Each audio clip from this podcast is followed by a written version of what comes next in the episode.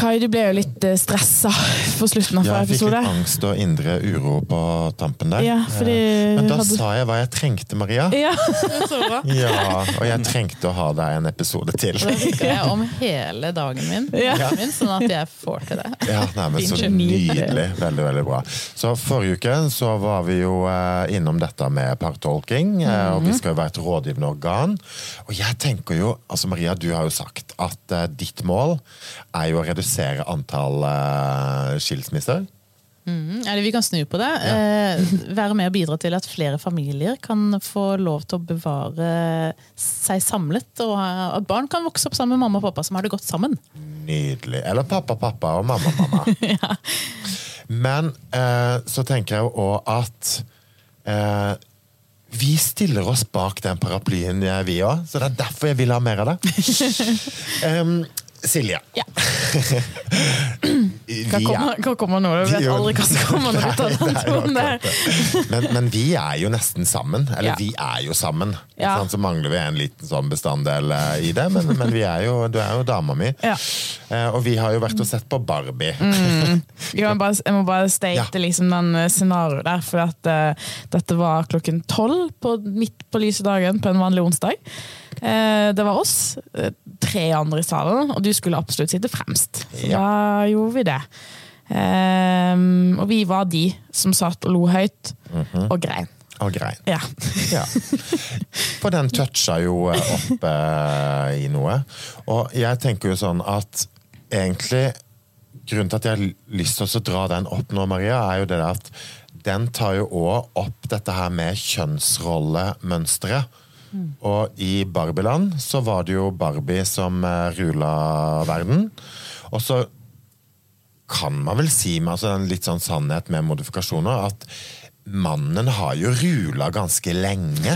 Det begynner liksom å hjelpe seg litt nå, men jeg tror ikke vi kan se bort altså, fra historien. da. Hvis man går litt sånn litt tilbake i tid, så er det jo mannen som har vært den dominerende part.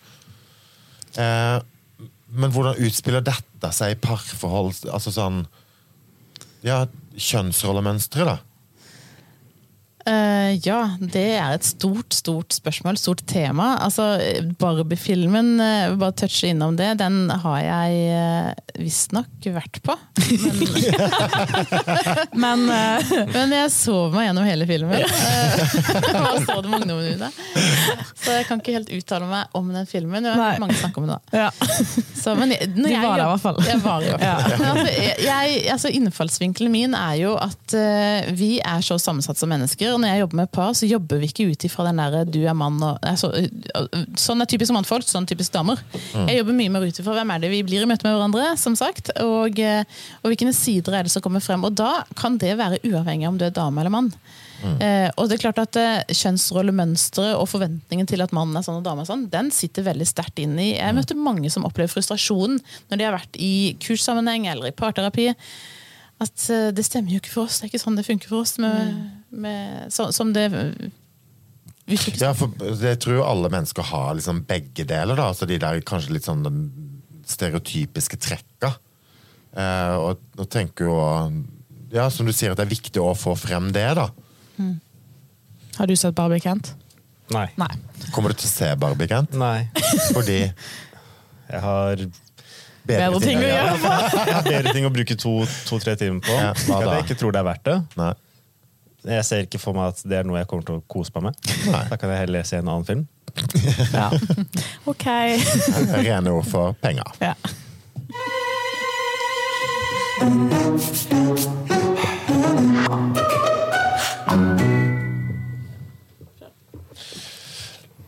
Du er jo fortsatt her da, som eh, vår rådgiver, eh, Maria. Ehm, og nå sa du jo litt uh, i forrige episode om uh, litt uh, Altså råd som man kan tenke seg, da. Eh, men hvis vi vender litt tilbake altså Temaet i denne podkasten som vi lager, som vi mener har en verdi, da, er jo dette her med disiplin. Eh, og disiplin er jo måten man liksom fører seg sjøl på. Man oppnår de tinga. Altså sånn, og det har vi jo også snakka mye om. Eh, altså skal en få til noe, så må, så må du jo gjøre noe. Det skjer jo ikke av seg sjøl. Absolutt ikke. gode, gode ting. Men altså, hvordan, hvordan kan man liksom bli mer disiplinert da, i et forhold? Du, jeg liker veldig godt uh, å trekke inn uh, assosiasjoner til det å trene kroppen. Dette er jo dere gode på. ikke sant? Uh, jeg fungerer jo ofte som personlig trener for et par. Og det går ut på å trene på å få til de endringene man ønsker. Eh, mange sier jo at jeg har mista meg sjøl, jeg liker ikke den, jeg- den jeg har blitt i forholdet. Eller også at ja, men dette er meg, jeg kan ikke forandre meg. Sånn er jeg. Sånn er jeg, du må godta. ikke sant? Ja. Jeg kan ikke bli en annen enn den jeg egentlig er. Og da sier jeg nei, vet du hva, du skal faktisk få lov til å finne enda mer plass til deg selv, den du vil være. Og det igjen, eh, hvem vil du være, da? Eh, For vi har så mange sider. Og, men det som vi jobber ut ifra, er jo atferdstrekk. Altså måten vi gjør ting på, sier ting på, reagerer på. Det er ut fra hvem vi er, men samtidig så kan vi trene opp en annen måte å si ting på. Uten at du må bli en annen enn den du er. Litt eh, assosiert til, når man er i utlandet. Eh, Så kan man snakke så mye smart og bra på norsk man bare vil, men hvis ikke de forstår norsk, så er det jo ingen verdi for de som hører på.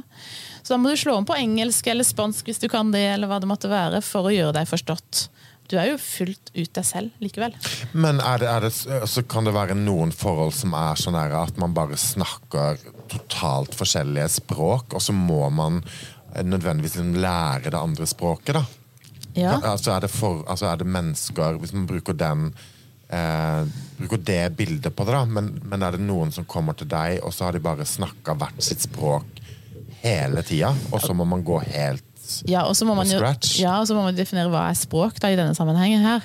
Og det kan være hvis du da trenger mer bekreftelser, og gjerne verbale bekreftelser. Du trenger å høre at det betyr noe. Du trenger å høre respons, gjerne daglig, for det er noe som gir deg det drivstoffet ditt som gjør at du kan ha det godt og være den du vil være. Så har du en partner som det er ikke, det er ikke liksom intuitivt naturlig å gi masse bekreftelser. Man kan kanskje tenke det på innsida, eller man tenker ikke så mye på det engang. Men det er ikke naturlig. Og da er det et eksempel på noe en kan trene seg på å bli bedre på. Og det er et språk. Trene seg på å bruke munnen til å si 'så glad jeg er for å se deg', eller 'godt jobba', eller digger at vi to skal være sammen i dag. Ikke sant? Eh, og så er det måten man sier det på man kan trene seg på å justere. Det er, en, eh, det er et språk. Det er en måte å, å trene. I forrige episode så snakka vi jo litt om det med, med begrensninger, og at vi man skal ofte begrense oss sjøl litt. Litt det der med at eh, men jeg er sånn, og derfor mm. kanskje jeg forandrer meg. sånn og sånn. Opplever du at mange i forhold begrenser seg sjøl? At det er mye som hemmer de å få liksom, Ja. være den de er, og, og det er Ja. negativt? Det tenker jeg er jo det som skjer når man ikke trives lenger. Altså den Der man blir møtt på behov, der man føler man kan være avslappa, der trives man. Det gjelder alle relasjoner. Både på hjemmebane og på jobb. Eh, og det er akkurat samme prinsipp i parforholdet. For å ha det godt der, så trenger du å bli møtt på behov, og så må du finne ut av hvilke behov det er. Begrensningene, og vi ofte begrenser oss selv og hverandre, at vi antar. Vi antar at vi tror vi vet hva den andre trenger, og føler og syns og mener. Og det kommer jo gjerne av Det kan komme av bagasje vi har med oss fra barndommen for den saks skyld, som setter oss i det moduset. Men ikke minst også erfaringer vi har oss imellom.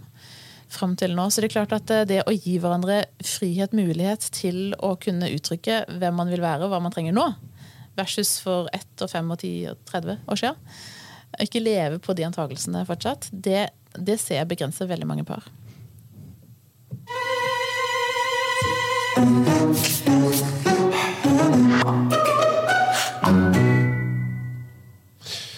Et sånn bilde som jeg likte, Kent, som du brukte for et par uh, podkaster, det var jo dette her med at For da snakka vi jo mye om dette her med begrensninger. Eh, det du sa da, var jo at når du jobber individuelt som en personlig trener, Ja. så er det nesten en litt sånn omvendt begrensning. At man legger liksom lista for høyt. Ambisjonene er for høye. Ja. Da brukte du et bilde på dette her med å eh, kaste en ball i en eh, bøtte. Ja. Eh, og at litt sånn sweet spot er jo det derre kaster altså Setter du bøtta rett foran deg, så er det jo kjempelett eh, å treffe. Men setter du den 500 meter borte, så er det jo dritvanskelig og kanskje til og med umulig. Men så Det vi snakka om da, var jo det at ofte så setter jo folk en sånn omvendt begrensning på at de setter bøtta så drita langt fremme Ja. at de egentlig ikke har forutsetninger for det, og så trenger du å gå inn der og korrigere. Så en tanke som jeg plutselig fikk nå, da, er jo det derre Når et par kommer til deg, Maria eh, så, så kan jeg jo tenke altså, Jeg kan ikke helt se for meg det heller sånn herre Nei, vi har supre ambisjoner. Altså sånn, eh, nå skal vi trene fem dager i uka. Altså, for det er jo det vi får her, da. Så har du liksom sånn der, Folk har så utrolig gode intensjoner og, og skal kjøre på. Mens jeg tror du, du har jo en mer sånn oppgitthet. Altså at jeg kan se for meg at det er litt sånn tyngre energi, egentlig. Hva tenker Ja, du om altså det? bildet med denne bøtta, så tenker jeg at i mange tilfeller så tenker jeg at eh, vi forventer for lite. Altså vi, vi, vi må anta at den andre ikke kan kaste så langt. og det, er, det føles jo Det er jo disrespekt. Altså det føles jo ikke frigjørende. Og, og, og det å liksom Jeg har ikke forventninger til at du kan få til dette, Ja. eh, sier jo Jeg tror du er dritgod til å Nei, jeg tror du er dritdårlig til å kaste ball, liksom. Ja. Ja. og man sier jo det ikke sånn. Eh, Men, men det- igjen tilbake til at eh, la oss finne ut av hvor vil vi, hva, hvem vil vi være i dette her. Og så må vi finne ut av hva skal til for at vi kan være de vi vil være, dit, for å komme dit vi vil. Det er jo en, en slags formel, og så er det en jobb, altså. Så det er ikke bare enkelt å komme i mål med det. Men det er, det, det er jo sånn vi jobber ellers i livet, da. Vi setter et prosjekt, vi setter oss et mål, og så må vi finne ut ok, hvem utfører hva, hvordan skal vi få det til. Og så jobber vi frem mot det, selv om det er dårlige dager og det regner og, og mange punkterer og litt sånne ting. Så, Burde flere òg snakke om det der med hvem har vi lyst til å være, altså før man Ja. går i terapi, men at vi tar den ja, det vil jeg oppmuntre folk til å gjøre. Og, men også kunne få lov til å gi eh, frihet til å utfordre seg selv, strekke seg. Ikke sant? Jeg har faktisk lyst til å oppnå det. Ok, hva skal til? Jeg heier på deg. Altså, Hvor mange av oss har en sånn heiagjeng rundt oss som idrettsutøvere? Tenker på Jakob Ingebrigtsen. Jeg snakker ofte om han som satte seg et mål. Han var 11-12 år eller noe sånt. ikke sant? 7-10 år frem så skulle han oppnå gull i OL. Og Det er ganske heftig å sette seg sånn mål som så ung gutt. Og han har helt sikkert takka nei til veldig mange ting, og slitt og svetta og ikke sant? Ikke bare vært lette dager for å oppnå det målet han har satt seg. Det er forbildet. Det kan vi trekke inn i forhold også, tenker jeg. Sett oss noen mål. Ok, Hvordan kommer vi oss dit? Og så tenker jeg, Jakob, altså det var så sterkt når han løp over målstreken. Jeg tror hele Norge sto og heia. Ikke sant? I mange tusen millioner skulle jeg si, steder de så så på dette her. Tenk om vi hadde hatt den heiagjengen rundt oss. da. Kom igjen, vi står med dere. Dette skal dere få til. Nå er det tøft, ikke gi deg. Vi, vi er med på det målet du har satt deg. Vi heier på deg. Sant? Tenk å ha hatt den gjengen rundt seg. Ja, og det er jo det du er, da. I det du holder på med. Så partolken er jo den heiagjengen.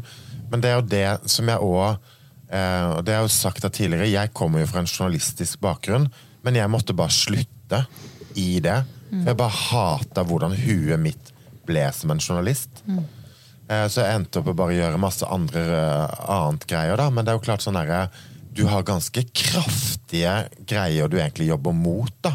For dette er jo Det er sikkert og visst. 1000 millioner artikler om alle tegn du skal se etter som er feil. Eh, Sånn tenker du, og så skal du bare gå og Ah, men blir du ikke litt sånn herre Å, jeg orker ikke mer. Altså, du må jo miste, bli sånn motløs av det òg, da. Nei, altså min hverdag er jo stort sett fylt med energi og skal vi si for noe inspirerende møter med par, mennesker jeg jobber med. Og jeg ser resultater. Det er jo det som gjør at jeg blir gira på å heie videre. Og takk for at eh, du opplever det som en heiagjeng, for det er virkelig det jeg og vi i teamet ønsker å være. En heiagjeng som heier og utfordrer og inspirerer. Eh, og så er det mange motstemmer på det, for du skal liksom ikke trø noe på tærne heller, da. Nei, nei. Så liksom, ja, men er det et spørsmål som ofte kommer da, ja, men alle er jo ikke liv laga, og mener du egentlig at alle skal? Og så videre. Også, også mange forhold som er destruktive, og hvor det er sykdom, det er vold, det er rus. Da sier jeg at dette her er ikke innafor det vi jobber med. Det er veldig viktig å si. For du jobber jo i det friske, ikke det syke. Nettopp. Og jeg jobber med perspektivet muligheter. Det mulighetsrommet som er, og utvide det og få folk til å se nye perspektiv. Hva er den største aha-opplevelsen de aller fleste får når de kommer seg? At, man, at jeg antar. Jeg antar jo noe jeg trodde det var, og så hæ? Det stemmer jo ikke. Ja. Og, og du skulle bare visst hvor mange som kommer og tror at den andre tenker og mener og syns noe som overhodet ikke stemmer. Og lever med det over tid. Og ja. til og med, jeg husker så utrolig sterk opplevelse sist uke med et par jeg jobba med en tid. Og starten med det paret var at eh, en av de var usikker på om egentlig orka å være i dette lenger. De hadde levd sånn i mange mange år. Eh, Og liksom veien videre, skal vi egentlig bruke tid og ressurser på å, å finne et liv hver for oss, eller skal vi Hvor er det? Hvor er vi? Og det hadde satt seg som en sånn utrygghet i den andre. Som levde egentlig med det langs veien Ja. i prosessen. Og så snakka vi igjen om okay, hva er det egentlig dere vil. da? Hvor er intensjonen nå? Hva vil dere egentlig? Og så sier den som hadde vært usikker på nei, mitt mål er jo å ville være sammen. Dette har jeg lyst til å få til. Og du bare så på den andre som bare Hæ? ikke, sant?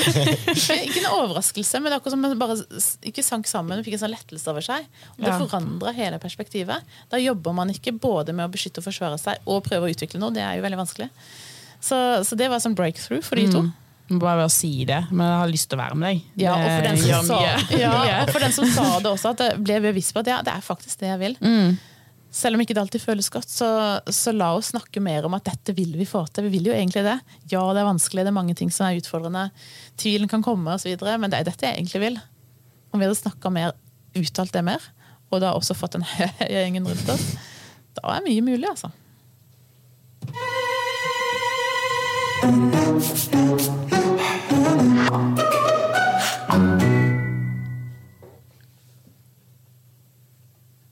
Har du hatt noen aha-opplevelser i dette? Eller hva, hva er en stor aha-opplevelse du har hatt i jobben din som en partolk? Eh, Min største aha-opplevelse var at jeg kunne jobbe med dette. For at, Ja. for at jeg, når jeg starta opp, det jo ja, det var i 2010 jeg tror jeg etablerte, etablerte meg første gangen. Eh, Da hadde jeg jobba i barnevernstjenesten i mange år. eh, Og som veileder og jobba med relasjoner osv. Men jeg hadde lyst til å gjøre mer av det som fungerte best, og jeg likte best. Og det var å jobbe med å finne nye perspektiv, og jobbe fra bunnen av. Eh, og jeg skulle jobbe med én-til-én, grupper, ledere, det holdt jeg på med et par år. Og så henviste jeg alle de parhenvendelsene jeg fikk videre til de som drev med sånt. Ja. For jeg tenkte at det kunne ikke jeg som ikke hadde det perfekt sjøl. Selv. Og så har jeg oppdaga at alle strever jo. og, så, og da og på en måte, noen, noen av mine kunder sa at eh, jeg vil at du skal jobbe med meg og min mann, sånn som du jobber med meg. Ok, La oss prøve. Bruke disse verktøyene på det. Og så var det som å komme inn i en hovedpulsåre. Ja. Et helt nytt gir. Ja. Og opplevde ganske raskt å få være med og hjelpe et par sammen igjen som hadde bodd fra hverandre. Ja. Det var den største ha-opplevelsen. Og da tenker jeg at her, er, her jobber vi sammen. Vi skaper noe sammen. Men, men det også å kunne hente frem noe jeg ikke trodde jeg hadde i meg. Og bruke det. Mine ressurser, mine svakheter. Mine, ja, selv opplever jeg ting som er vanskelig. Det er en av mine sterkeste ressurser. uten at Jeg jeg snakker jo aldri om det i i mine, min, mine samtaler med par eh, og med kunder, men det er et veldig viktig gir å erfare selv og kunne ha det tøft. Og det også bringer meg inn i at jeg har lyst til å oppmuntre alle til å våge å dele med venner, dele med hverandre når man er gjennom tøffe ting, og har vært gjennom tøffe ting. Sånn at det er, vi er alle i samme båt, altså. Ja, og det er jo noe med gjenkjennelsen. Mange Eh, tror de er aleine om ja, dette her. Ja. Og så er vi jo mer like enn ulike. Absolutt. Men bare sånn i en vennerelasjon også, så har du lyst til at folk skal si ifra til deg hvis de har det kjipt, enn at det er sånn å ja, du hadde det helt jævlig i to uker, men jeg visste ingenting. det er jo ikke noe altså, tillit og ja, på den fronten. Og det kan faktisk være alfa og omega for å klare seg gjennom krisen. Ja. Så del det med noen, våg å slippe noen inn, men våg å snakke om at du har vært der sjøl òg, når du har vært der. For det kan være noen som får håp og guts til å slippe noen til, da, når du sier det sjøl. Har du et helt perfekt forhold, du? Jeg sa vel nettopp det, at det var jo utrolig at jeg kunne jobbe med dette, som ikke har det for meg selv. Nei, jeg er i samme båt som de aller fleste. Ja. Vi er veldig forskjellige, vi har utfordringer, og vi er en familie på fem, og alle er ulike. Altså, her er det masse muligheter for både konflikter og utfordringer. Men hvis vi vender tilbake til dette aspektet av disiplin, da. Hva, hva er din personlige strategi? Altså, hva er det liksom Hvilke treningsopplegg har du? Hva, altså sånn, hvis man kan se på det Ja, sånn, for det første så kan jeg ikke være partolk i mitt eget forhold. Det er helt sikkert og visst. Jeg er bare private, personlige Maria i mitt eget forhold. Og trenger partolk Ja. på samme måte som de aller fleste gjør. Jeg tenker alle skulle hatt en tolk da, eh, i livet. Også Men jeg. du må jo ha vært et helvete å bo med med en gang du uh, ble opplyst om dette. For det er jo sånn, Da begynner man jo igjen litt sånn i det Nei, å, se, jeg har skjønt dette. Og sånn og sånn. Snakker du av erfaring, Kai? Uh, ja, jeg snakker av erfaring. Jeg kunne sagt mye om det. Det kan vel være en utfordring eh, nå og da å leve med meg. Så, og så vet jeg at jeg er helt normal. Ja. Ja, det også er veldig deilig, da. Uh, ja. Men hvor var det jeg skulle være å si nå? Jeg skulle si noe om at Du begynte på et spørsmål. Disiplin, Disiplin, og ja. eh, treningsopplegget du uh, Selv, gjør selv. Ja, selv. Ja. Nei, altså Et av mine største gir er jo at jeg gir meg ikke for alle muligheter er prøvd. til glede og ergrelse for mange. Ja, ja. Så jeg gir meg ikke sånn. Jeg har egentlig vært opp igjennom livet. Jeg gir meg ikke for alle muligheter jeg har prøvd. Og derav så er jo navnet på bedriften Alt er mulig. AS. For å vise og se og peke på og hente frem perspektiv som kan gjøre ting mulig. Og Einstein sa det jo ganske bra. altså Oppskriften på idioti er jo å gjøre den samme tingen en gang til. Men jeg kan også se for meg at liksom, det er der en står og stanger litt da, i et uh, forhold. Ja. Det kan være et parforhold, men det kan være alle mulige forhold. da. Så gjør man det samme igjen og igjen og igjen, og igjen, og forventer egentlig noe annet. Ja. Men resultatet blir jo nødvendigvis det samme. Nå er jeg en veldig kreativ person, så klart at det er et gir jeg også har i forhold til dette. Og det er jo til glede og ergrelse. sånn, det kan du bare spørre min mann om. Men jeg tenker at det å våge å ville se nye ting, det å velge å gå løs på noe som er ute av komfortsonen, noe som er, det er liksom ikke helt meg. Altså, det å våge å gjøre det, og velge å gjøre det, det er jo det er noe av oppskriften. For å få et mer spennende liv, men også for å få et mer spennende og livskraftig forhold. Og det er der det stopper for mange. For man føler seg utrygg, man tenker at nei, men dette er ikke meg, eller våger ikke, eller er så stressa i livet at man ikke vier eh, kapasitet, tid, til å gjøre noe med det. Der er mange. Hva syns din samboer at du holder på med podder og sånt? da, Kai? Nei, For min del så er det jo sånn der eh, Jeg ser jo at utfordringen i en parforhold kan jo være litt det derre det, Ja, det individuelle og det man skal altså, for, det, for man er jo seg sjøl og et individ, og så er man et par. Eh, og jeg ser jo for min del så kan det ofte bli liksom sånn Ofte, ja, ganske ofte. Altså sånn, Blir sånn fanga i min egen individualisme, da. Og så har jeg så innmari fokus på det, og så blir liksom parforholdet, liksom familiegreiene sekundært. Eh, og ofte sånn når det liksom gnisser veldig, så er jo det i de der periodene hvor jeg liksom kjører veldig mye individuelt og bare sprinter og holder på i mitt eget spor, da. Um, så, så mye å gå på. Så jeg skal fortsette å følge deg, for å si det sånn. Hyggelig, hyggelig. Men statistikken er jo at 50 av eh, ekteskap går til helvete. Det er den gjengse oppfatningen. Statistikken har gått litt ned. Det er vel rundt 40 eh, Ok. sier forskerne. Og det er litt viktig å få frem, for at holdningen til at det går jo ad undas for halvparten av oss, den kan være med å, å punktere. Men er det så mange? Det visste jeg faktisk ikke. Nei, Det er litt CSA. Jeg vet jo, Vi har jo ikke helt sånn eh, fullstendig empire på det. Nei. Men jeg vet jo i hvert fall om veldig mange som er skilte, så det, noen er det jo i hvert fall. Men, og dette blir jo anta, og vi har jo snakka om dette, at anta kanskje ikke er liksom den beste løsningen. Men, men hvor mange prosent tror du det er mulig å redde? Hvor mange er liksom kjørt, og så hadde egentlig potensialet vært der? da? Basert litt sånn løst på din erfaring. Eh, og da snakker jeg ikke om forhold som er preget av rus, vold, sykdom. Det er veldig viktig å si. Friske forhold eh, de kan oppleves usunne, eh, og de kan absolutt bli veldig destruktive hvis man det vedvarer og blir til sykdom. vel å merke. Men eh, jeg vil jo si anslå 90 da. Wow. Altså, er min erfaring er at de aller fleste jeg jobber med, de får en nystart sammen. Og du og Kent er jo egentlig kjempelike. Dere har jo bare dritbra suksessrate begge to. Ja. Det er dødsgode. Men du, det er veldig viktig å si at det er ingen quick fix. Det er hard jobb. Ja, ja, ja. Det koster tid og krefter. Jo, men Det er jo som å slanke seg eller bli sterk. Altså, sånn, det må gjøres Det er ikke sånn Oi, der var vi Og det tar ferdig. tid. Og det er, vet du hva, et, et forhold det er en livslang prosess. Det er et ongoing prosjekt. Men det skal jammen være masse energi og gøy og bra på veien også. Ikke bare jobb. Jeg gir det samme rådet som jeg ga i forrige episode. Ja. Følg partolken. Ja. Ja. Så Takk kanskje du kan redde din egen ræv. Takk for at du ville være gjest. Takk for meg. Stay in the game.